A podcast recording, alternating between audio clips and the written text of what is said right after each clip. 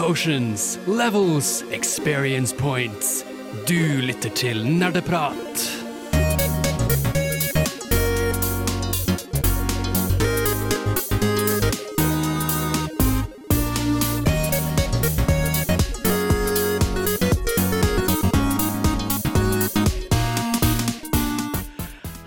Og velkommen tilbake til en ny episode med Nerdeprat her på Radio Revolt. Vi er endelig tilbake etter en lang og deilig sommerferie, og vi er klar nok en gang til å prate om spill, sånn som vi gjør. Jeg er Håkon, eh, jeg er programleder. Med meg i studio i dag så har vi Tai. og Bård. Bård, de klassiske. De som har vært her. I dag skal vi snakke om eh, det vi har kalt sommerflørter. Dette er altså spill vi har spilt i sommer som vi har falt litt for, men kanskje ikke nødvendigvis liker Ja, så godt ikke tror vi har vært ute og flørta utendørs. Nei, Det ser ikke. Lol. Nerdeprat. Nerdeprat. Altså. Ja, ja. Jenter er ekle. Men ja, dette blir altså en sending hvor vi snakker om alt vi har vært innom i sommer. Da. Um, så vi skal komme til det straks, men eh, før det så må vi snakke litt om nyhetene. Fordi det har skjedd et par ting. Men før det igjen, så skal vi høre en låt. Vi skal høre Ringo Nerdenytt. Vi skal først snakke litt om nyheter før vi går over til å snakke om våre sommerflørter denne sommeren. Eh, det mest aktuelle eh, som vi kan snakke om nå, egentlig, fordi det skjedde i går, eh, var at Pokémon eh, Pokémon Company hadde en ny presentasjon hvor de viste litt forskjellige ting.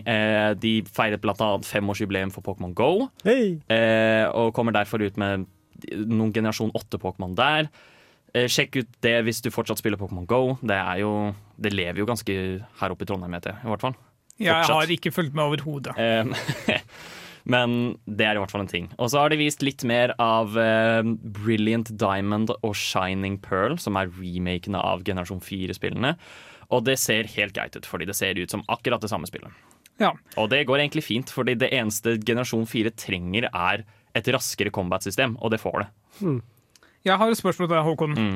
Når tror de de lager en remake av remake av første generasjon? De har jo teknisk sett allerede gjort det da med Let's Go-spillene. Ja, men utenom det. Ja. Eh, nei, det Du spør godt. Um, Det, det de annonserte ikke de i går. de kom, nei, de gjorde ikke det. Men Nei. de kommer nok til å gjøre det. Det er jeg veldig sikker på. Ja, men jeg, føler liksom, jeg føler meg skikkelig taper, fordi jeg har faktisk skikkelig lyst på det. Bare remake av remaken. Så jeg får en oh, gud, jeg føler meg så Kjøpe det samme spillet for tredje eller fjerde gang. Jeg veit, jeg veit. Det er skikkelig frustrerende, men det er liksom noe veldig behagelig med å bare gå til det barndomsspillet, bare litt mer moderne, da. Men hvorfor ikke bare boote opp Fire Red, da? For jeg har lyst på remaken av remaken. Uff, nei. Men eh, det, det som kanskje var hovedpoenget, da, var at de viste mer av Pokémon Legends Arceus, som er rett og slett Eller Arceus, jeg aner ikke hvordan man uttaler det. Eh, begge er offisielle, tror jeg. Men ja, de de, de har markedsført dette som en, som en svær, åpen verden-Pokémon-spill. Nesten blanding av Breath of the Wild og Pokémon. Em, og jeg vil si at denne traileren her var mye bedre enn forrige de viste, fordi den klarer å kjøre stabilt. Ja. Det var masse frame drop sist, men spillet ser fortsatt skikkelig dårlig ut grafikkmessig. Jeg, jeg tilbringer litt tid på Reddit, og i løpet av det siste døgnet sånn, så har jeg sett to bilder.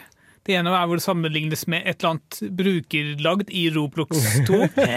og det andre er hvor det sammenlignes med Jeg tror det er Oblivion, som liksom er et 20 år gammelt spill. eller sånt. Ja, ikke sant? Eh, Men har vi fått noe dato for det? det, det kommer ut Jeg husker ikke om det var 22. februar eller 28. februar. Okay, så Jeg tror det var en av de to. Så, så det er et halvt år på å liksom fikse spillet. Ja, eh, Ja. Men, jeg, men jeg syns de prøver faktisk på noe ganske vilt annerledes med combaten. Eh, hvor det er sånn du fanger Pokémonene ute i overworlden, og så går du kun i kamp om du kaster ut en Pokémon du eier selv. Det, Ja. det, det, det virker som at de eksperimenterer litt der, og det er jeg for. Så det er bra. Selv om det er bitte, bitte, bitte litt, så er det Ja. fortsatt en Det er, jo- de prøver prøver i hvert fall på Ja. noe nytt. Ja. Videre så kan vi snakke litt om Steamdekk. Dette er den nye håndholdte konsollen til eh, Steam. Eh, Ikke kall det en konsoll, kall det en PC. PC. ja. Det er jo bare en PC med knapper. Ja. Direkte nettopp. på, liksom. Ehm, det, jeg tenker at det, er- dette ser veldig kult ut. Eh, man får en konkurrent til Switch, men eh, som jeg sa så pent til mine kollegaer her eh, før vi startet, og det er at der Steamdeck kan kjøre League of Legends, som vil si at det, åpenbart er en verre konsoll enn Switch. Og så er det lagd av Valve, som, eller Steam, eh, et eller annet delene, som har kanskje en av de dårligste historikkene med maskinvare gjennom i spillindustrien. Mhm. Ja. Jeg tror altså- ikke de har lagd noe som, liksom faktisk har slått an og fungert bra. Jeg har også hørt litt rykter om at den er uh, I og med at den er så kraftig, da, så er den ganske tung å holde i forhold til Switchen. Ah, ja, det gir Så- nok mening. Så man blir litt sånn sliten da, hvis man sitter og spiller på den lenge. Og det, er liksom, det ødelegger litt poenget, da. Men det spørs jo også hvordan man spiller. Ja, sant. Det spørs også hva man skal bruke den til. Skal du bare, ha, skal du bare ta en kjapp eh, runde av et eller annet mens du sitter på do, så Mm. er det ganske bra.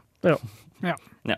Men det er også veldig lovende fordi de kommer til å fikse litt programvaremessig. De kommer til å sørge for at spillene kan kjøre på en såpass plattform, og gir det mulighet for andre aktører å komme inn på markedet som kanskje har bedre kjennskap til maskinvare og hvordan selge produkter. Ikke sant? Så det er, det er veldig lovende. Ja, bare, Ja. At, det, bare at de kommer med å annonsere det, er gode nyheter. Mm, nettopp. Jeg er Erna Solberg, og du hører på Radio Revolt. Den store nyheten vi skal snakke om, er eh, alle disse saksmåla til godeste Blizzard. Ja, alle. Det er så mange av dem. Ja, alle. Har du lyst til å Ja, jeg, jeg, kan, eh, jeg kommer ikke til å ta noen dato, fordi Mm. det husker jeg ikke. og det kom kommer ikke det til å huske heller. Men det starta tidligere i sommer. Plutselig så var det en organisasjon som uh, saksøkte Blizzard pga. Uh, trakassering av kvinner og veldig dårlig kultur innenfor Mm. selskapet. Det ble beskrevet som type fratboy-aktig Ja. kultur.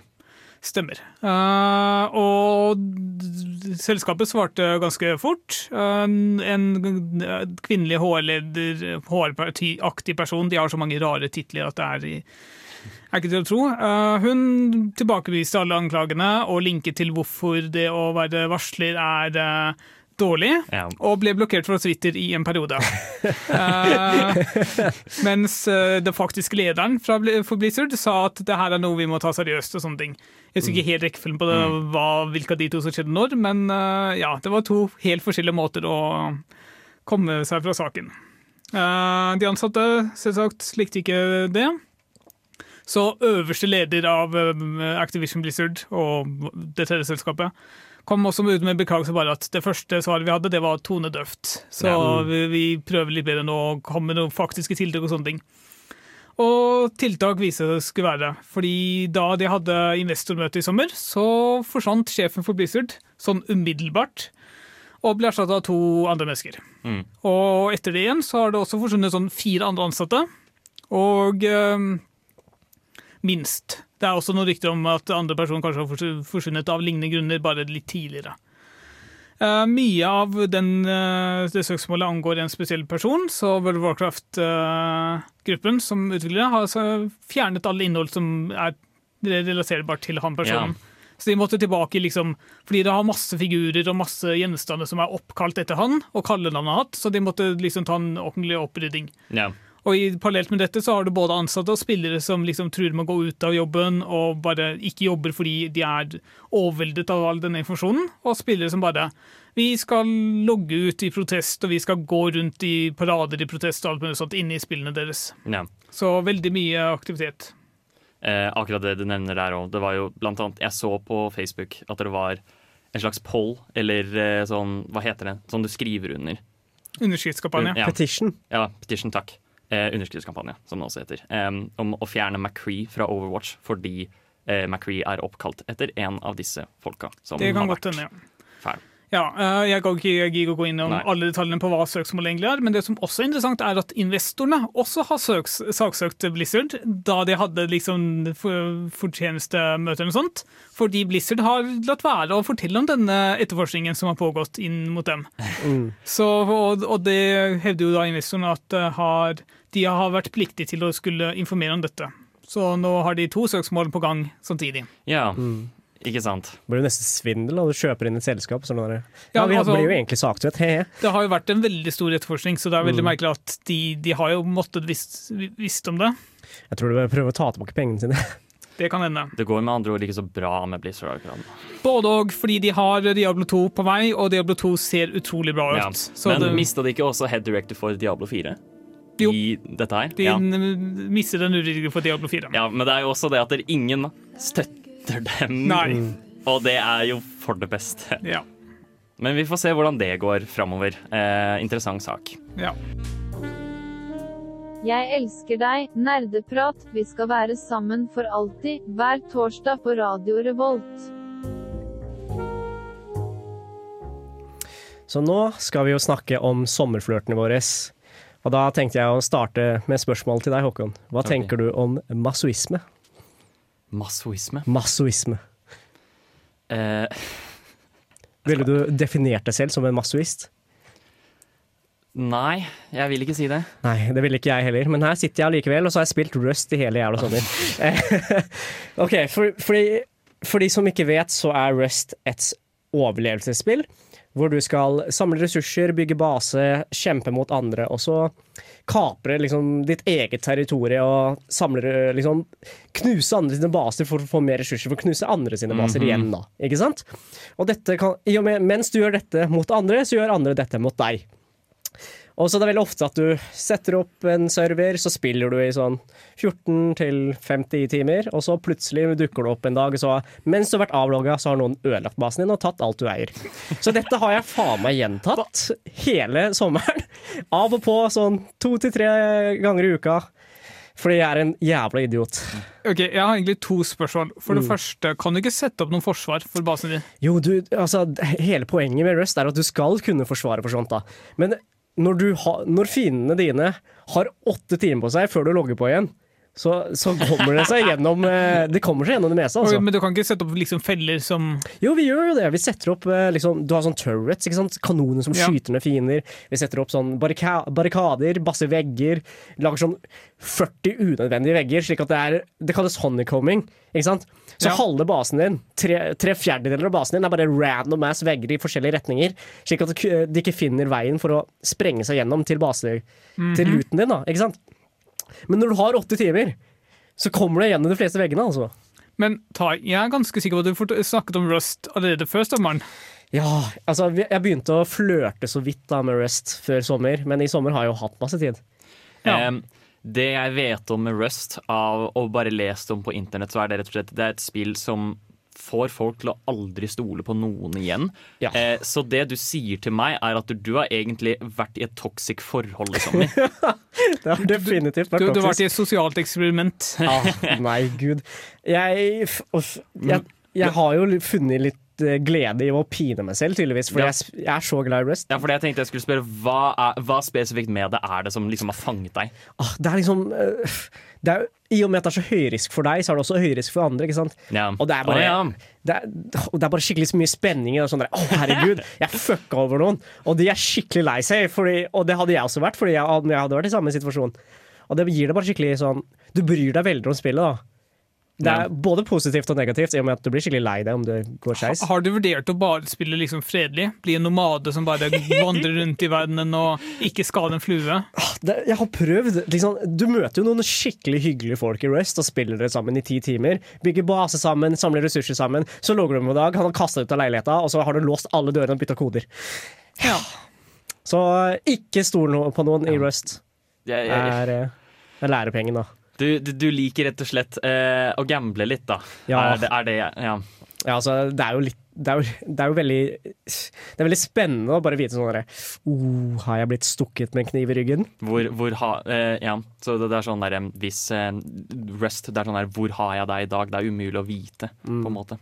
Er det noen form for progresjon i spillet? Kan du si noe liksom hvor langt du kom? Eh, På en måte, siden du har forskjellig Du har eh, tre tiers med loot, da. Du har liksom tier 1-loot. Alt baserer seg på workbenchen. da. Så jo høyere tier på workbenchen du har, eh, Ja. jo mer ressurser krever det, og jo bedre er det. da. Så ofte Jeg, jeg spiller ofte med en kompis, da, så ved duo. Um, og vi kommer også ofte til tier lave enden av tier 3-loot. da. Men store klaner med sånn 18 personer, det ender også ofte med sånn tier 3-loot. Og det er sånn bazookaer, C4, eh, helikoptre, hele pakka. Mens vi er sånne små scrubs med, som er fornøyde med sånne små geværer. da. Mm. Spiller du det fortsatt? Jeg spiller det fortsatt. Hvor, har du en base stående nå? Nei, akkurat nå er alt jeg eier, bare brent ned til bakken. Når skjedde det? Det skjedde første dagen på jobb, altså mandag. Basene mine pleier bare å overleve helga, for det er da jeg rekker å spille. OK, skjønner. Mm. Har du vurdert å gå i eh, liksom, eh, partnerskap med en annen spiller som spiller de timene du er på jobb og sover?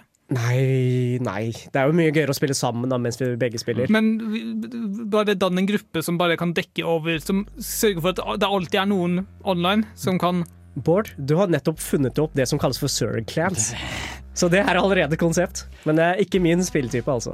Men, okay. men det at du spiller det fortsatt, da, vil det si at Rust kanskje er noe mer enn en sommerflørt for deg? Det får vi se, Håkon. Ja, det får vi se. Vi skal nå høre fra en mann som er veldig langt unna hva han syns om programmet Nerdeprat på Radio Revolt. Nerdeprat er veldig gøy! Vi snakker om nerdeting og dataspill! Sånt liker jeg! Vi er tilbake her på Nerdeprat, og vi er i gang med å snakke om våre sommerflørter. Og Bård sin første sommerflørt han skal snakke om, er vel teknisk sett ganske noe mer enn en sommerflørt, vil jeg si. Både og. Eh, Tingen er at jeg spilte jo Final Fantasy for et år siden, og slutta med det sånn utpå høsten en gang. Nærmest helt. Og nå, før sommeren, så begynte det å dabbe seg opp igjen. Du har gjenoppdaget en gammel flamme, du. Noe sånt. Mm. Bare at jeg Ja. Uh, den, den er ikke så uh, kraftig. Eh, I og med at jeg spiller ikke Final Fantasy så mye som jeg gjorde da heller, men det er bare, nå logger jeg faktisk inn og spiller med vennene mine. Ja. Tidligere så gjorde jeg ikke det engang. Uh, og jeg er ikke den eneste som har begynt å spille Final Fantasy heller. Jeg vet ikke om dere har hørt at uh, enorme folkemengder har flokket til Final Fantasy 14 siste månedene. Veldig mange av mine venner har flokket til Final Fantasy 14 de siste månedene. Ja. Uh, fordi de leter etter en MMO å spille. Ja. Nei, det var Det starta vel Det har vært noen store personligheter som har prøvd ut, og som har fått med seg flere spillere. Så det har vært en del ekstra køer, ekstra folk og sånn som har dukket opp i spillet. Men tenker dere er fordi det er litt sånn MMO-tørke for tida? Jeg føler ikke det har vært noen store MMO-er som har vært ute og dominert markedet som det Wow gjorde. Ikke nei, det altså jeg tror ikke det er bare Jeg tror ikke det nødvendigvis er det. Jeg tror mange av dem er folk som har fulgt en eh, World of Warcraft-personlighet til Final Fantasy, men Mm. Også bare fordi det er et bra spill. Det er ikke veldig tradisjonelt MMORPG. Det er mer sånn Det er spill du spiller alene, men du treffer også andre mennesker som er på samme reise som deg. Mm.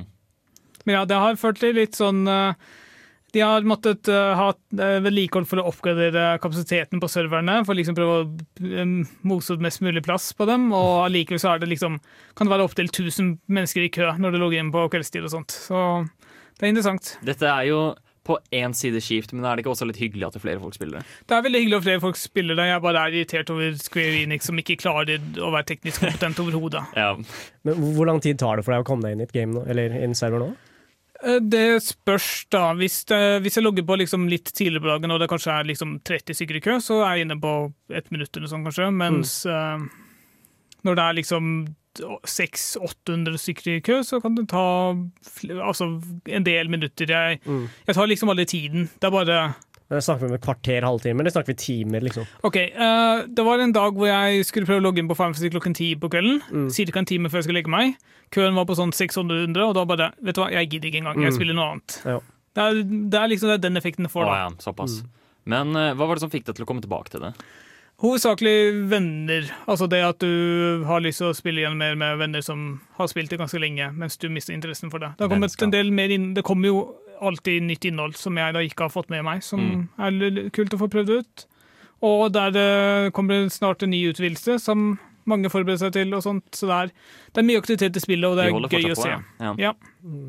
Ja, de jeg, jeg vet ikke helt hvor lang plan de har for spillet, men de eh, er på god vei. Har god historie og virker som de faktisk har et mål, istedenfor visse andre MMO-spill som virker veldig målløse og famler litt i blinde til tider. Ja. Kremt, kremt. ja mm. um, ja. Hva, hva, hvordan vil du si at det, det har vært da å komme tilbake til det? Det har vært et uh, hyggelig gjensyn, men det blir også veldig irritert over de tingene som bare fikk deg til å stoppe å spille. Ja. Ja. Det er liksom, det er, det er ikke borte. Det er ikke sånn at å ja, nå, nå, nå går det helt fint at det her irriterer meg. Det er bare sånn ja, jeg, det irriterer meg fortsatt. Det, jeg lever med det, men Men du ville anbefalt det? definitivt. Ja. Uh, det er spesielt nå som du kan spille veldig store deler av spillet helt gratis. Bare for å prøve det ut. Mm. Så bra. Um, hyggelig å høre at det, det lever fortsatt med Fine Fantasy. Nerdeprat på torsdag klokka fem nerdeprat. Min første sommerflørt denne sommeren her eh, var et spill som eh, jeg falt veldig, veldig for, men som har veldig mange røde flagg. Eh, kan jeg si på den beste måten, og det er da altså Subnautica. Subnautica er et spill hvor du eh, er strandet på en planet, bare dekket av vann. Og så må du prøve å overleve. Falt du pladask for det? Jeg sverger til Gud, Bård. Em, vi går videre. Um, hele sjarmen til spillet da, er at der, eh, du på en måte Du er helt isolert, helt alene på denne planeten. Eh, du skal bare overleve med det du kan. Eh, og så er det eh, bare Du ser liksom dette økosystemet med alle disse fiskene og bla, bla, bla. Uh, og det er så sykt vakkert og kult på den måten. En ting jeg likte kjempegodt, var at jeg, jeg følte virkelig at verden levde. Uh, sånn, fordi du, du lander i et område som heter Safe Shallows, hvor det er sånn, ah, her er det veldig, veldig grunt. Uh, og du ser bare liksom sånne søte små fisker, og så kan du gå litt lenger vekk. Og så kommer du til et sted som heter Kelp Forest, hvor det bare gror masse, masse tang, og der lurker det sånne haier. Som liksom, eh, De bare lurker gjennom der og leter etter skinnende objekter. Så det er sånn, Da kan de bare finne på å bite deg hvis de ser deg. Sånn type ting. Så det føltes virkelig ut som om verden levde. Og så er det jo selvsagt Spillet har blitt veldig ikonisk for disse svære leviathansa. Disse svære beistskapningene som du bare finner veldig dypt. Eh, det var også en av de tinga jeg elsket veldig med Subnotica. Jeg hatet Jeg var så jævlig redd. Jeg hatet å spille spillet, liksom. Fordi det var så skummelt hver eneste gang jeg skulle gå dypere. Fordi du ser jo ingenting. Det føles ut som at du dykker under havet. Har du ikke lommelykt? Jo, du har lommelykt, men du kan jo fortsatt ikke se noe som helst. Fordi det er så sykt dypt. Ok. Jeg liker sånne spill hvor du bare Du føler deg så liten i verden. Mm. Så du liksom Det gir deg bare veldig sånn Du får en veldig sånn sense of accomplishment da når du endelig oppdager noe nytt, eller får Ja. gjort noe eh, som du ikke trodde var mulig, da.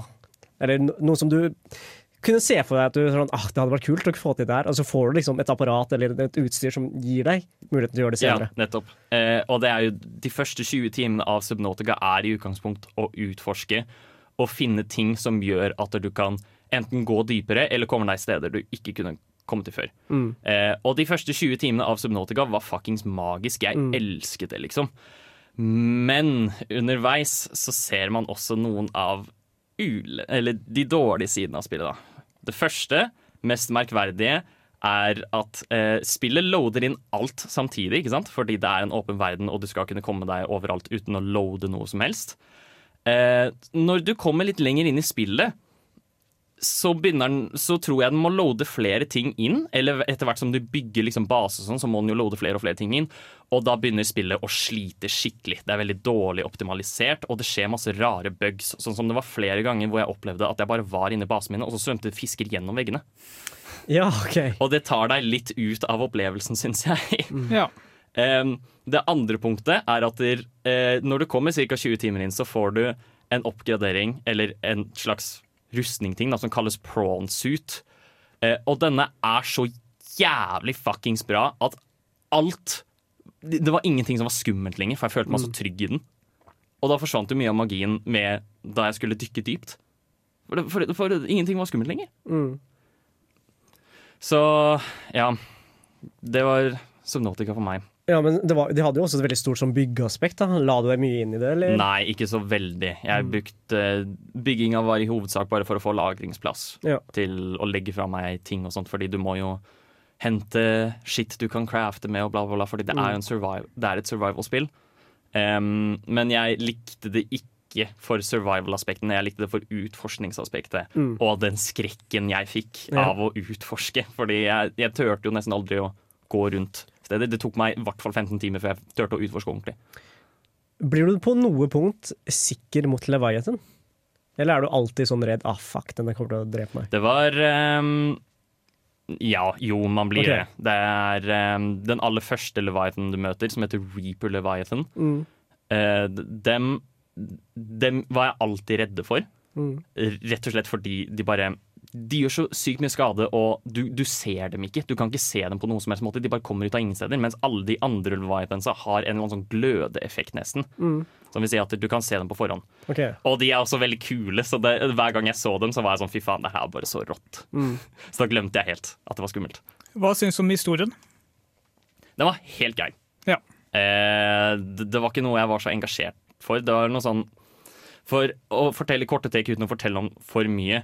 Det er en bakterie i vannet på planeten. Eh, du har krasja, og du kommer deg ikke av med mindre du får gjort noe med dette. Det er det mest svake tingen jeg kan si. Ja. Um, men selve spillet var veldig gøy fram til 20-timemarket. Fordi da var det eneste du på en måte kan gjøre, er å gå dypere. Og da var det ikke noe poeng i å utforske lenger. Da var det ett sted du skulle utforske. Fordi det var én riktig vei. Ja. Og det syns jeg var litt dumt. Men jeg vil fortsatt anbefale det, og jeg har tenkt å spille Below Zero når jeg kommer til det. Ja. Det var min første sommerflørt. Vi skal gå over til å snakke om Time Yay. sin andre sommerflørt, fordi vi har faktisk flere sommerflørter her i Nerdprat. Hvem skulle trodd?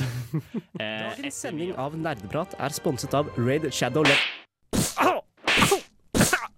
Ouch! Unnskyld! Unnskyld! Time, Jep. Du har en sommerflørt til. Jeg har en sommerflørt til. Jeg, jeg er litt utro. Men eh, akkurat her så syns jeg det er greit. Eh, nå har jeg Det er altså, hallo, don't hate the player, hate the game. Ja, ikke sant? What? Du, du er en spiller, Ja, ja, greit, og da greit. skal du spille, og da skal du ha, fler, da skal du ha sidechicks. Ja, eh, Sidechicken min denne gangen har jo vært eh, No Man's Sky, da. Ja. Så det, vi har jo snakka litt om No Man's Sky her på Nerdeprat. Eh, det har jo tatt litt av en 180 fra launchen sin til hvordan den er anerkjent nå, da. Så nå er det jo kjent som en av de bedre spillene innenfor sjangeren, i hvert fall. Vil jeg, Jeg, jeg vil fortsatt kalle det litt sånn middelmådig, men uh, Men når ja. var det du spilte det sist, Bård? Jeg spilte det Jeg tror det var i fjor høst. Mm. Det var- Det er løpet av det siste året, liksom. Jeg vet ikke om det har blitt oppdatert noe særlig. Det, Det har kommet noen nye, altså. Sånn jour- Journeyman Update Jeg er litt usikker på hva det heter. Ja. Men uh, altså, alt De lovte jo masse store ting back in the day, da de launcha. Mm. Som for eksempel sånne store Sandwars og sånt. Og det, alt det har kommet nå. jo, altså, det jeg sier ikke at det er et dårlig spill, men det er fortsatt en del frustrasjonspunkter. Jeg husker ikke alle nå, fordi jeg la fram meg spillet og tenkte ikke så mye på det i etterkant, men det er, liksom, det er en del frustrasjonspunkter når du spiller som bare er det her kunne vært gjort bedre. Det Ja. skaper liksom friksjon. Det her gjør meg, får meg mindre lyst til å spille spillet. Ja, altså Nå har jeg bare spilt i ti timer, da, så vi får se om jeg, jeg blir irritert over det selv. Men akkurat som, som det er nå, så, trive, så trives jeg veldig. Jeg liker det veldig godt mens jeg spiller det. Eh, og som dere sikkert vet, gjennom at jeg liker SCP og sånt, så er jeg veldig glad i eh, spill som gir fragmenter av informasjon som jeg liksom fyller inn resten selv. Elsker det skittet der, Ja. ass. Eh, og jeg syns Snowman Sky gjør en kjempegod jobb på det. da Så mens du reiser rundt og utforsker, så finner du liksom gamle relics, du finner eh, utdødde eh, folkeslag og sånne ting. Så finner du liksom bakhistorien, da. Og så må du liksom lære deg språkene til de forskjellige alien-rasene. Med å snakke med dem, interagere med dem, finne biter av historikken deres. Og så Har det alltid vært en historie i No Man's Sky? Det har alltid vært en historie i No Man's Sky. Fordi Um, det, det eneste jeg fikk med meg, var at man skulle nå midten av universet. ja, Men, eh, eh, No Man's Sky sin historie har alltid vært kjent som crap, så den delen Ja. skal de ha. Eh, den er crap. Eh, men måten de presenterer det på, syns jeg er utrolig bra jobba. Yeah.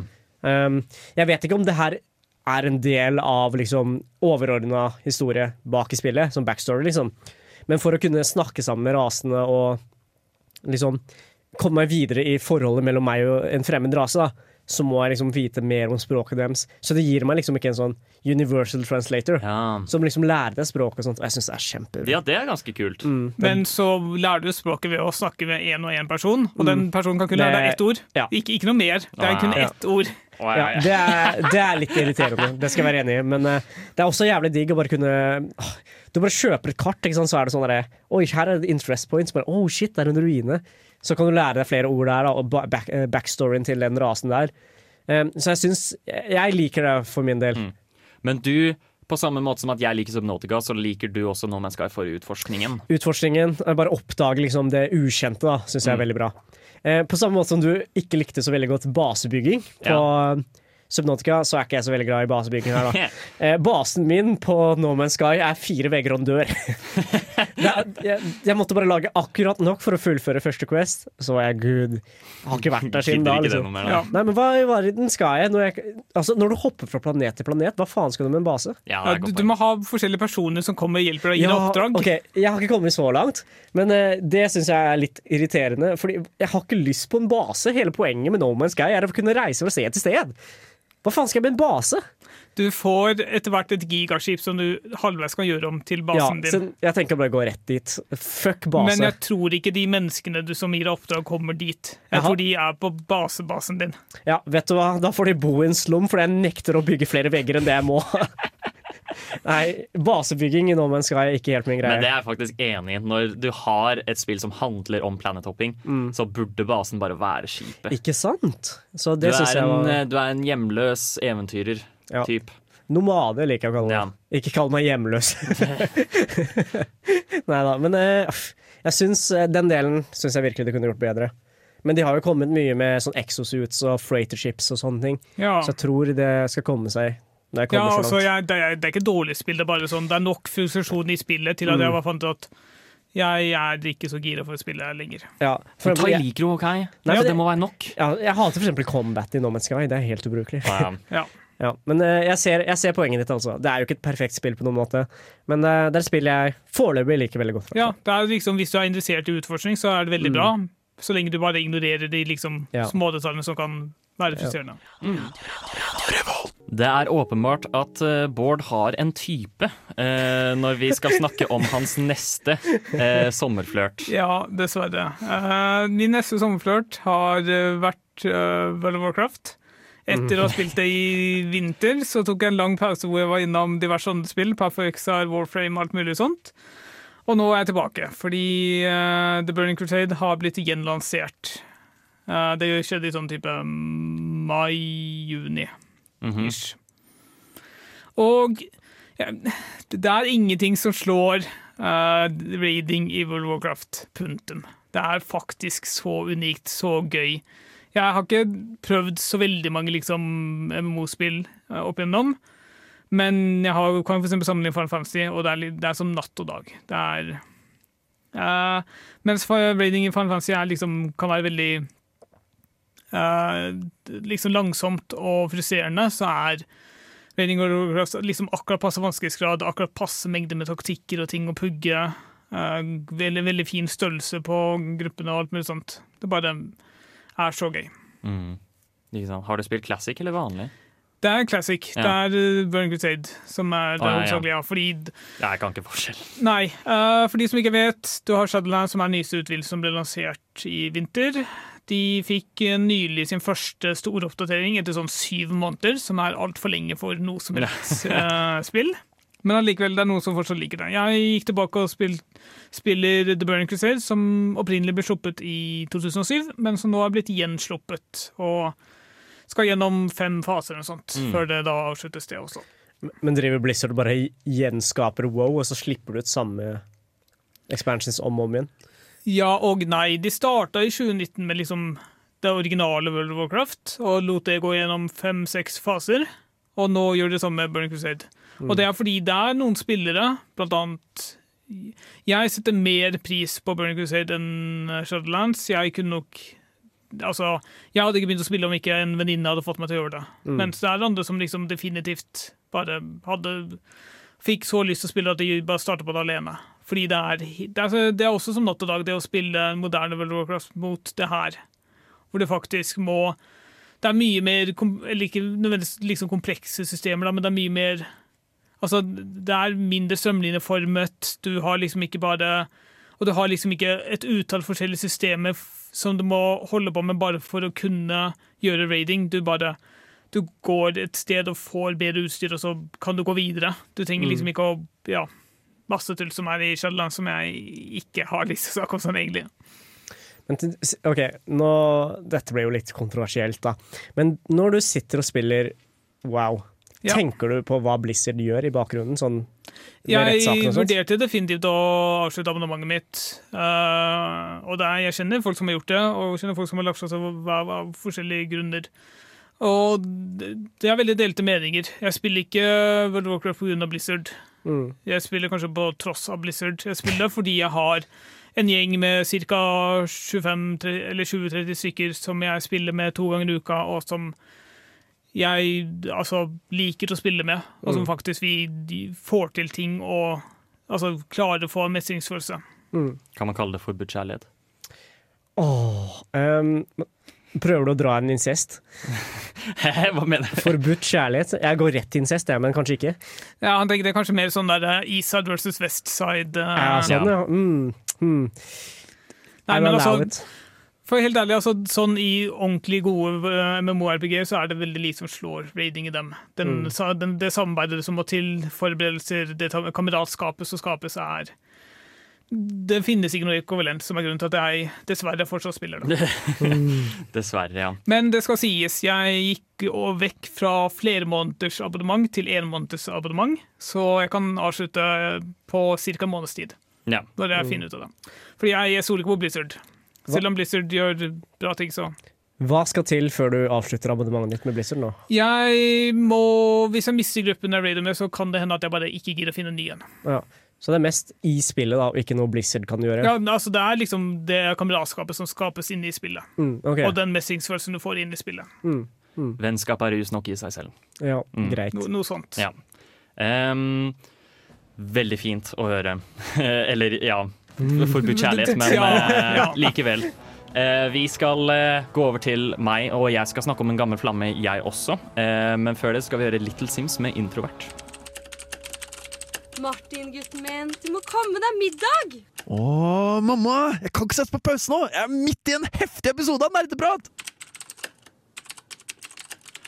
Åh, nå skal jeg fortelle dere. Um, I s hver sommerferie jeg har, jeg, har fått, jeg har begynt å få en liten greie nå, skjønner du. Og det er at der, hver sommerferie så går jeg tilbake til en eller annen klassisk spillserie som jeg likte veldig godt før. Eh, og så bare spiller jeg det på nytt. Alle spillene, ikke sant? Eh, I hvert fall i trilogi. Det har blitt trilogi nå. Eh, Ja. For to år siden så var det Metroid. Metroid Prime-trilogien, altså. Mm. Em, i, nei, I fjor så var det Halo, eller utenom Halo 3, da. Men jeg spilte Ja. Halo 1 og 2. Og i år så var det Ratchet and Clank. Jeg håper det går over Resident Evil. Det, det, men det var over et år istedenfor okay. som en sommerferie. Ja, greit. Ja. Skjønner. Men jeg har spilt Ratchet and Clank, altså hele den originale trilogien gjenutgitt på PlayStation 3. Det, var en, det er en dårlig port, men det fungerer eh, bra nok. Og da spilte du også på en PlayStation 3. Ja, Ja. da spilte jeg på PlayStation 3. Det har ikke blitt utgitt siden. Men eh, jeg gjenoppdaget min kjærlighet for Ratchet Clank, kan du si. Fordi jeg ble helt sjokka over hvor gøy de spillene egentlig er. Eh, og hvor vanskelige de er. I hvert fall det første spillet. Det er ordentlig vanskelig. Em, og da vil jeg også snakke om noen ting som uh, jeg har merket meg fra da jeg var liten. Først av alt, uh, Ratchet Clank 1 er åpenbart det beste spillet i serien. Uh, fordi der har de liksom en fin miks av plattforming og, og den skytecombaten som Ratchet Clank nå har blitt mest kjent for.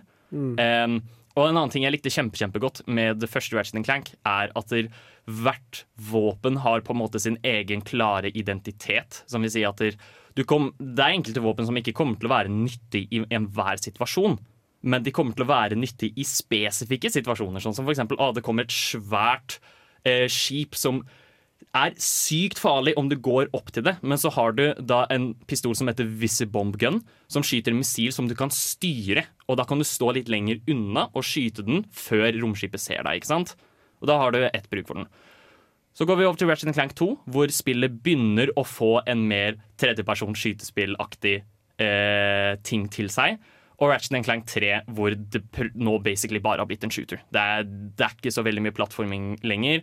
Eh, de har til og med fjerna grind railsa helt. Um, og det mener jeg mister litt av sjarmen, da. Fordi ja, jeg, jeg liker plattforminga veldig godt. Og særlig også, jeg, jeg likte jo Ratchet Clank 3 best da jeg var liten. Og også litt på grunn av Dr. Nefarious, morsom robot som skriker mye. Um, men jeg, syn, jeg, har begynt nå å sette mer pris på Ratchet Clank 1. Også i hovedsak fordi én ting som er dritkult med Ratchet Clank 1, er at det er så sykt mye antikapitalistisk propaganda Ja, i det spillet. sant! Det der husker jeg ikke. Fordi hele spillet er bare sånn Å, det er basert på en verden hvor alle gjør alt for penger. Du skal alltid betale for å få hva som helst. Det er sånn Du redder livet til en person. Og er sånn der, ah, 'Jeg kan selge deg denne tingen.' Ja, men vi redda livet ditt. Ja, du kan få, du kan få avslag. Så du må fortsatt kjøpe det, liksom. Ja. Jeg husker eh, Favorittkarakteren min fra Ratchet Clank var vel eh, Captain Crank. Captain Quark. Quark? Ja. Er han med i alle spillene? Han er Ja. med i alle, ja. Ja, så han var Eh. jo forbildet til eh, Ratchet. Ja, har ikke han egne spill inni spillet? Jo. Ja. Eh, han, eh, hva er det? Og i hvert fall, hva er det jeg vet i Crack in Time? Eh, det er utenfor originale trilogien, da. men i Crack in Time så har han eh, eh, en liten minigame som heter My Blaster Runs Hot. Hvor det bare er en sånn Arkade shooter-aktig ting. Ja. Kan, kan vi bare også snakke om, kjapt om navngivinga til uh, Ratchet og Clank? Det er jævlig seksuelle, hele gjengen. Ja, fordi hva er det? Eh, det første heter bare Ratchet Clank. Eh, andre heter Going Commando. Tredje heter Up Your Arsenal. Eh, og, og, så, og de bare fortsetter sånn hele tiden. Det neste, neste er jo også Ja, Quest and- for Booty. Okay. Um, hadde du tenkt å si Nuts and Bolts? Ja, fordi Det er Banjo Kazooie. Stemmer det. Ja. bare Eh, Faen. Uh, og jeg husker ikke hva mm, Men den originale tittelen til Crack in Time skulle egentlig også være en seksuell innuendo. Ja, men den var for seksuell, Ja. husker jeg. Men Mm. uh, det nyeste, som kom i sånn 2016, sånt, har jo ingen undertittel. Nei. Eh, det, fordi det skulle være en remake av den originalen. Uh, og det er egentlig veldig mye dårligere enn Ja. originalen, har jeg merket. Men for å komme tilbake til Captain Quark, da. Han er også et veldig fint eksempel, fordi han er sånn å, Han er denne svære helten, ikke sant? Alle ser på han som en helt, men så jobber han for skurken, rett og slett fordi skurken har betalt han og sagt sånn ah, hvis du hjelper meg, så kan du være ansiktet på denne nye planeten jeg skal lage, sånn at jeg kan tjene mye cash, og du kan tjene mye cash. Så da blir han slem. Selv om han egentlig skal være helt. Ja. Og det, og det er fokuset liksom hele tiden av Ratchet Clank, den originale trilogien, og jeg elsker det. Det er dritkult. Så hvis du har en PlayStation 3 og noe penger til overs, så anbefaler jeg å kjøpe den originale trilogien på nytt, fordi det er overraskende bra. Ja, hvor får man kjøpt den? PlayStation Store og okay. PlayStation 3. Men eh, det, det har ikke blitt gjenutgitt siden. Men holder ikke PlayStation 3-butikken på å bli lagt ned? Nei, de ombestemte seg. Oh, ja. Så um, du får fortsatt tak i det. Og det er eh, veldig fint. Jeg har også spilt masse, masse Pokémon Unite i sommer. En remake? Det er ikke en remake, det er en spin-off. Eh, ikke akkurat det samme, men okay. eh, Med Pokémon så er det vanskelig å skille dem. Ja, nettopp. Men eh, Pokémon de prøver jo stadig å komme med nye spin-offs og alt det der. Og av en eller annen grunn så bestemte de seg for Oi, vi skal lage en Moba. Vi skal lage League of Legends. Vi skal lage League of Legends sin Dominion game mode. Sin gamle Dominion game mode som ble fjerna i 2015, eller hva det var. Om jeg hadde fortalt deg for fem år sia uh, I 2021 så kommer Nintendo til å komme ut med en Pokémon-Moba. Hadde du trodd noe? meg? Men var det ikke cirka da det ble annonsert, og så bare hørte vi ingenting før nå? Var det det? Jeg vet ikke om det ble annonsert så Nei, jeg, jeg bare tuller. Ja. Jeg bare husker at Vi, vi snakka vel om en Pokémon Moba for noen sendinger siden, og så snakket vi bare ja, ingen har hørt noe. Ja, ja det stemmer. det. De, de annonserte det eh, i nærheten av den 25-årsjubileum, og så bare sa de ingenting om det før nå, Ja. hvor det nå har kommet ut. Og det er overraskende gøy. Ja. Det, jeg, jeg, jeg er egentlig litt sjokka over hvor bra det er.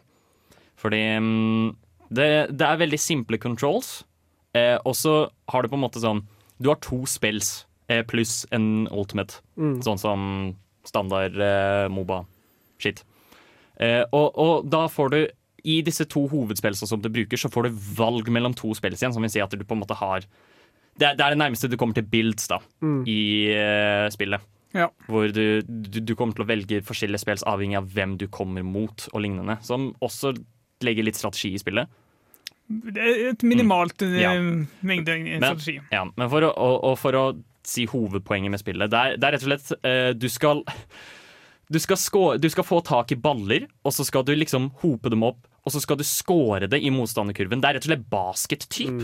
Du, du dunker det ned, og så får du poeng, og den som har mest poeng etter ti minutter, den har vunnet. Ja. Og da er det diverse ting som gi, gjør det lettere for deg å score og sånt. Ehm, den største grunnen jeg, jeg spilte det sånn Jeg sjekka faktisk hvor mye jeg hadde spilt det. Og det var, jeg hadde spilt i solid 40 timer allerede. Eh, rett og slett fordi jeg ble veldig revet med, og jeg spilte mye ranked. Ehm, Hvilken rank er du? Jeg er i expert Mm. rank 4, tror jeg, så jeg er nesten ved elite. Ja. Eh, og det er ganske høyt. Men ehm, Å, herregud. Jo, jeg slutta å spille det eh, av én game mechanic, og jeg ble så jævlig frustrert av den. Eh, Zapdos. Ja. Zapdos spawner i midten av banen et, når det er to minutter igjen av runden.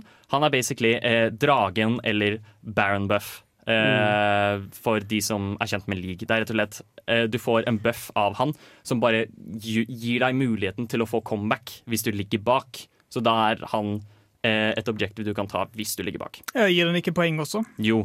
Du får, alle som deltar i å ta ned Zapdos, får 20 poeng. Eh, I tillegg så låses opp alle måla.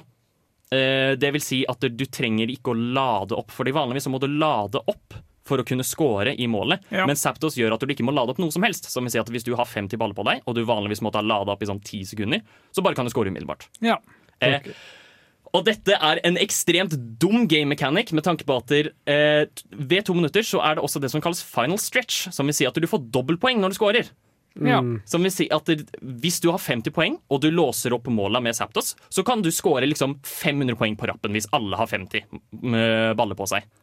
Og det gjør det rett og slett at Zapdos, hvis du tar han, så vinner du. Uansett hvor langt foran de andre ligger. Hvis du klarer å stjele Zapdos, så bare vinner du. Og, og den, er, så den er rett og slett for ubalansert, og det gjorde at jeg slutta å spille spillet. Ja. Fordi jeg ble så lei av å tape fordi Ellers så spiller egentlig bare en kamp om Septos. Men hva er poenget med de første åtte minuttene av spillet, da? Forberedelse for kampen om Septos. Ja, Nei, men jeg, jeg skjønner hva du sier. Eh, Jeg har jo sett veldig mye faktisk på Pokémon Unite. Mm. Um, og greia er at du kan jo ligge så langt foran eller så langt bak som du vil. Mm. Men når alt kommer til slutten på to minutter, så syns jeg det er litt kjedelig å se ja, det er litt kjedelig. Men alle karakterene føles veldig unike ut. Uh, og alle karakterene føles veldig gøye å spille ut. Det er, jeg har ikke funnet en eneste karakter jeg ikke liker å spille ennå. Men føler du at uh, karakteren er balansert?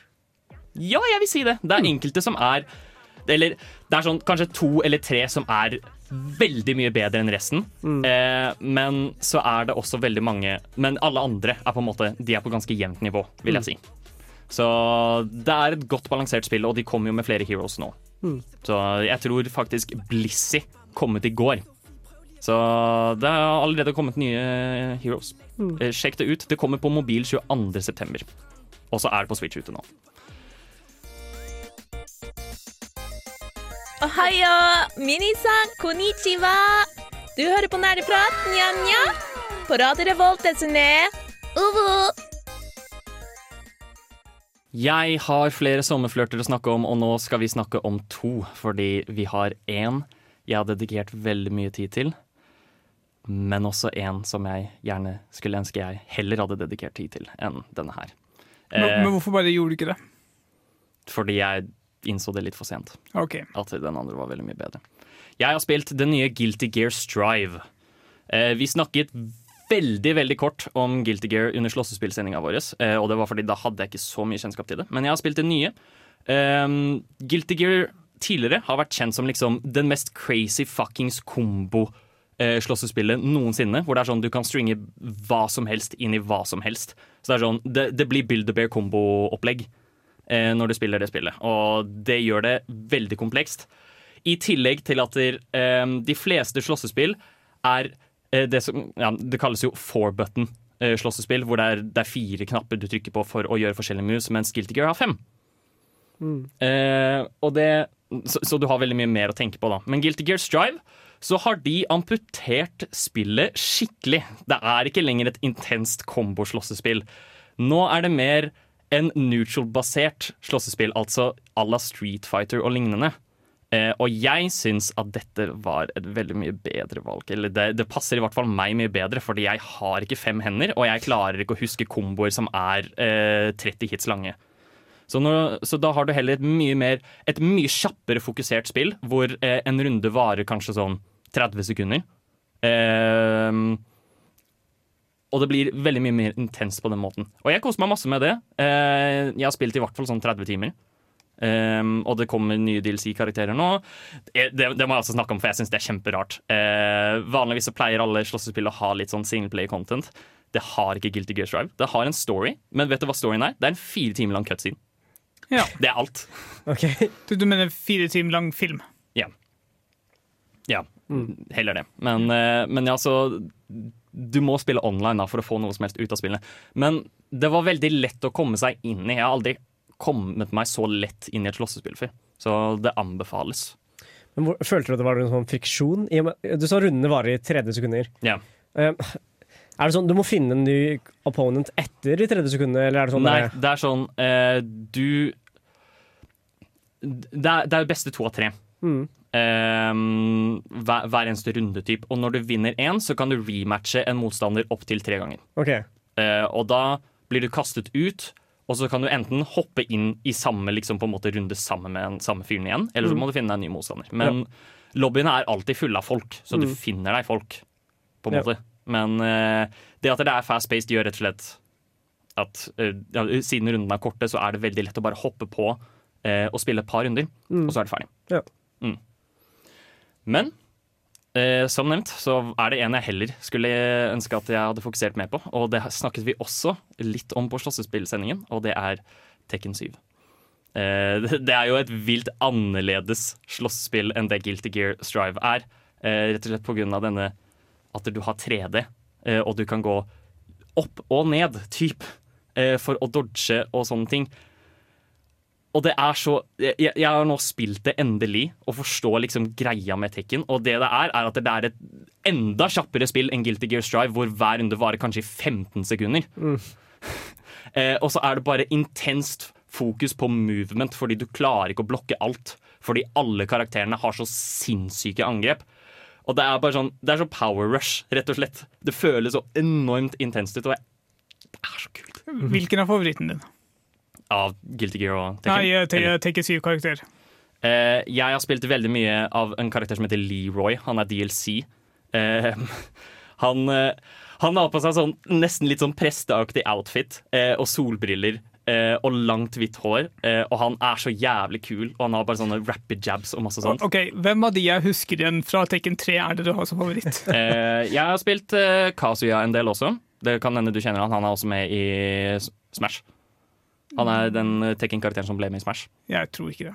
Nei, eh, han, Men han, han er hovedkarakteren, da. Ok. Ja. okay. Jo, ironisk nok, han er også hovedkarakteren, men han er også en av de vanskeligste karakterene å spille spillet. Mm. Um, men ja, hver karakter har også sånn 100 forskjellige moves som de kan gjøre. Og det er veldig intenst, og det er derfor så mye vanskelig å lære seg en Guilty Gear Strive. Um, og det er derfor jeg har fokusert heller på det enn Tekken 7. Men gud, tenk å være fuckings god i Tekken, da. Er det sånn er det, jeg ant, altså, I og med at spillene er, rundene er så korte, så antar jeg det er veldig rewarding hvis du greier å vinne. Ja. Eh, det er sånn, jeg anbefaler virkelig hvis du, har, hvis du har lyst til å skjønne hypen med slåssespill sånn ordentlig, gå på YouTube og bare søk opp liksom sånn turneringer av Tekken 7. Fordi det er så vilt nivå på det, og det ser så heftig ut. Altså Personlig har jeg ingen gode minner fra Tekken. Altså. Ja, det er sånn, du, du, du kommer til en kompis, han har det lille gliset på trynet sitt. 'Å, Tai, vil du spille litt Tekken?' Og så mørbanker han meg et kvarter. Det er sånn ah, Vi Gud. får, vi får spille Tekken eh, i høst, da. Så får vi bli gode begge to. Jeg Mørebanker støtter forslaget. Skal du mørbanke meg i Tekken? Kanskje. Kanskje. Vi går videre, vi, tenker jeg. Vi skal høre låt. Vi skal høre Motorcycle med The Warning Part 1. Jeg har en siste sommerflørt å snakke om, eh, og dette blir muligens noe spesielt fram i tid òg. Fordi dette var bare en liten smakebit jeg fikk her. Jeg fikk bare kjenne litt på følelsen. Hva- Var det muligens bare en beta? Det var muligens bare en beta. Eh, jeg snakker selvsagt om Back for Blood, som er det nye Horde Zombie Shooter-spillet til Turtle Rock Studio. Altså de samme som har lagd Left for Dead. Denne gangen så gjør de det på egen hånd, da. Så egentlig så er det Left 3 Dead. Ja. Jeg sverger bort! ja, det er det. Ah, Um, det bringer tilbake mange gode minner ass, når jeg tenker på Left 4 Mhm. Dead. Men det er fordi folk har jo vært sultne på et nytt Left 4 Dead-spill veldig lenge, og det er jo ikke rart, fordi Left 4 Dead 2 er jo så, så sykt bra. Det er Og, så og veldig gammelt. Ja, veldig gammelt. Uh, så, det, så det var full tid for at vi t fikk en ny sånn type shooter. Og det har vi fått i Back 4 Blood. Uh, og jeg har da spilt med betaen. Jeg fikk en kode for å spille close beta før den åpne betaen. Så jeg har eh, fått kjent virkelig på det. og da fikk vi to campaigns du kunne spille gjennom. Jeg henta tre av mine beste venner. Shouta til Andreas, Erik og Alexander. Eh, og vi spilte gjennom disse campaignene, og det var vanskelig. Men det føles også ut som Left 4 Dead, samtidig som det ikke føles ut som Left 4 Dead. Er det beste jeg kan si. Hvordan får du tak i en av disse magiske closed beta-kodene? Det Betaen er dessverre lukka nå. Eh, og jeg tror ikke det kommer en beta før eh, Før spillet kommer ut. Dæven. Som, Ok. vi, som vil si at der, er, du er for sent ute. Ja. Men har vi fått en eh, dato på når det kommer? Det kommer Var det 22. oktober? Jeg husker ikke. Det var i oktober en gang. Okay. Det var brått tidligere enn det også. Ja. Men, så det er ikke så langt unna. Men det, jeg syns det virker veldig lovende, rett og slett fordi jeg følte virkelig sånn stresset Mm. av Left 4 Dead. Hvor, når det er sånn eh, Den har også veldig mye klassiske elementer fra Left 4 Dead, sånn som bilalarm. Mm. Eh, I tillegg til fugler, som du kan skremme, Ja, og da kaller du også på The Horde. Eh, 12. oktober kommer det ut ifølge Steam. 12. oktober. Mm. Eh, hold av datoen, fordi det tror jeg blir bra. Eh, det, det har også, i likhet med Left 4 Dead, liksom sånne spesifikke typer zombier. Um, hva den het? Har den en heks igjen? Ja. Den Ja. har, den er Witch. Å gud, jeg var så redd i heksene. Um, men, men samtidig ikke, fordi Witchen her er på en måte veldig underveldende. Hvor det er sånn der, Den hopper på deg, men så dreper Men hun. hvorfor finnes den da? Det, det, den er, det, det er mer en felle, egentlig, enn noe annet. Enn at det er en vanlig zombie. Men blir Witchen sånn mer som en av dere jockeyene fra Left 4 Dead, da? Hmm? Blir det mer sånn en jockey fra Left 4 Dead? Eh, Ja, kanskje. Ja. Mm. Um, det, det har i hvert fall et par andre typer folk. Den har for eksempel eh, en man ser dritmye av i betaen, er en zombie som kalles Bruiser. Mm. Som er rett og slett Det er en fyr med en jævla feit arm, og han går bare rundt og skal denge deg med den armen. Da. Hvis han slår deg, så fyker du bakover. Ja. Eh, og da har han et svakepunkt midt på armen sin. Okay, så svakere versjon av Tank, kanskje? Ja, typ. Mm. Eh, og så har du en annen som bare kalles eh, Exploder. Mm. Som er en feit jævel som Ja. liksom bare løper inn, og så sprenger den. Mm. Eh, så det er sånne type ting. Det var dessverre ikke så mange typer eh, i betaen, så jeg Mm. fikk ikke føle skikkelig på de forskjellige typer zombiene, og jeg håper det kommer mer. Det var også en, da, kall det typ eh, boss, eh, som kaltes Ogre, hvor det bare var en megasvær fyr, liksom. Typ Mm. sånn størrelsen av en bygning. Og du kunne drepe han, men det beste var bare å løpe fra han. Ja. Men i klassisk Left for Dead-stil så er det viktigste spørsmålet Er det fortsatt like kult? Det er ganske kult. Jeg vet ikke om jeg vil si det er like kult, men jeg har fortsatt bare opplevd litt. Mm. Jo, OK, jeg har en siste ting jeg må snakke om i Back 4 Blood. Og det er at den har et veldig rart sånn kortsystem. OK. um, hvor det er sånn du, du, du lager deg et dekk med forskjellige kort som gir deg buffs. Og på starten av hver eneste runde så må du velge deg et kort. Og så, og så legger du det til. Og, og jeg er egentlig ikke så veldig stor fan av det, men det, er, det, det angår egentlig ikke så mye av gameplayet, så jeg klarte liksom å se bort fra det. Men jeg syns det er merkelig likevel. at det er med. merkelig. Ja. Um, men ja, sjekk ut Back for Blood når det kommer ut, Fordi jeg, jeg likte betaen veldig godt. Jeg hadde er veldig gøy. Hvis du liker Left for Dead, så burde du sjekke det ut. Når innså du at du var en gamer? Dersom du kunne spilt kun et spill i et år Hva er det eldste spillet i backloggen din? Hva har du lært fra spill som du har fått nyte av i Er det et spill som har hjulpet deg gjennom en tung periode av ditt liv? Hva er ukas spørsmål? Hva er ukas spørsmål, Tein? Ukas spørsmål er Hva er en potensiell sommerflørt som det ikke ble noe av? Altså, hvilket, eller, hva er et spill som du har kjøpt og lastet ned, men ikke spilt? Og eventuelt hvorfor? Dette er, da- man kan jo også si det på en måte sånn at det er et spill som du vet du hadde likt, men som du Mm. bare aldri spilte for en eller annen grunn. Mm. Er det noen som har lyst til å starte? Jeg, jeg kan starte. Uh, den er litt sånn utradisjonelt svar, men det er bare fordi jeg har lyst til å nevne det. I sommer for en uke siden eller sånn, så var det uh, lukket beta av Diablo 2. Uh, Nylansering. Det ser helt fantastisk bra ut. De, de har en knapp hvor du kan bytte mellom eh, moderne grafikk og gammel grafikk. Eh, masse forbedringer fra som det var tidligere. Jeg hadde en betakode, jeg lasta ned spillet. Jeg tror jeg startet og var kanskje inne i det sånn to-tre minutter, og så lukka det. Bare fordi jeg sparer det til det faktisk blir lansert. Mm. Ja. Fordi jeg, det er faktisk noe Altså Blizzard er på vei ned på mange områder, men det her er faktisk noe som ser virkelig bra ut. Men du har eh, Da var det med andre ord en unnskyldning, da. Det var ikke fordi du var dårlig. Ja, nei, det Ja. var Ja. Ja. Så, så det er ikke det verste det kunne vært. Nei. Ja. Time. Eh, For meg så er det Civ 6. Oi. Eh, Kjøpte det ganske dyrt. Jeg var skikkelig gira på at det skulle komme, og så lastet jeg den ned, satt og venta og bare Skal til å launche, bare sånn ah, Er jeg villig til å bruke de neste åtte timene og resten av dagen bare på å sitte og spille Siv? Nei. Så da stoppa jeg det, og så gikk jeg et spill som jeg var godt kjent med. Som man, som man gjør. Det er så vanskelig å starte på nytt. Jeg har et forslag til deg, Tai. Begynn å spille Civilization sånn på kvelden, og så bare hold på til tidlig neste morgen, og da er du cirka ferdig. Nei takk. Uff. Det høres ut som et mareritt. Hva med deg, Håkon? Um, jeg har faktisk én, uh, og det er et spill vi har snakket om her på Nerdprat før. Um, som jeg har Som jeg elsker konseptet til, og som Bård har snakket kjempemye bra om. Eh, det var ikke i sommer, det var litt før. Return of the Oberdin. Ja. Eh, Det har jeg kjøpt. Jeg eier det. Jeg har lastet det ned. Jeg har tenkt til å spille det. Jeg har bare ikke kommet meg rundt til å gjøre det ennå. Ja. Eh, så Det, det venter noe bra på deg. ja, ja, det antar jeg. Ja. Men uh, man blir opphengt i litt andre ting. Hva, hva er det som stopper deg fra å spille? da? Taken 7. Taken 7, Taken 7 Subnautica, Ratchet Clank. Ja, ok. Så det er, det er egentlig bare mest fordi du ikke har nok tid, da. Fordi det er så mye annet du vil spille. Ja, det er nettopp det. Jeg, jeg liker jo gjerne å få spilt så mye som jeg kan. Eh, og da ender det opp med at der, eh, backloggen blir litt lang. Ja. Ja. Så det, og, det, og det er jo trist, fordi jeg har, å, jeg har hatt lyst til å spille Oberdin veldig lenge nå. Bare spill det. Det tar ca. en kveld, og så kan du ta en lang pause med andre spill, og så kanskje du kan returnere og ikke ha det for ødelagt for deg. Ja, ikke sant? Jeg tenker uansett at eh, så lenge vi kjøper spill, så støtter vi spillindustrien, da. Nettopp. Ikke sant? Ja. Hva er det? Jeg, uh, det, er- det er et meme som går rundt, som er uh, Jeg vil ha uh, kortere spill med mindre grafikk som jeg betaler mer for. Eh, av, lagd av arbeidere som tjener mer for å jobbe mindre. Ja, noe sånt. Ja, Jeg, jeg tror jeg fulgte med. ja det Ja. støtter vi. Men jeg skjønner, jeg skjønner poenget. Ja, det støtter vi.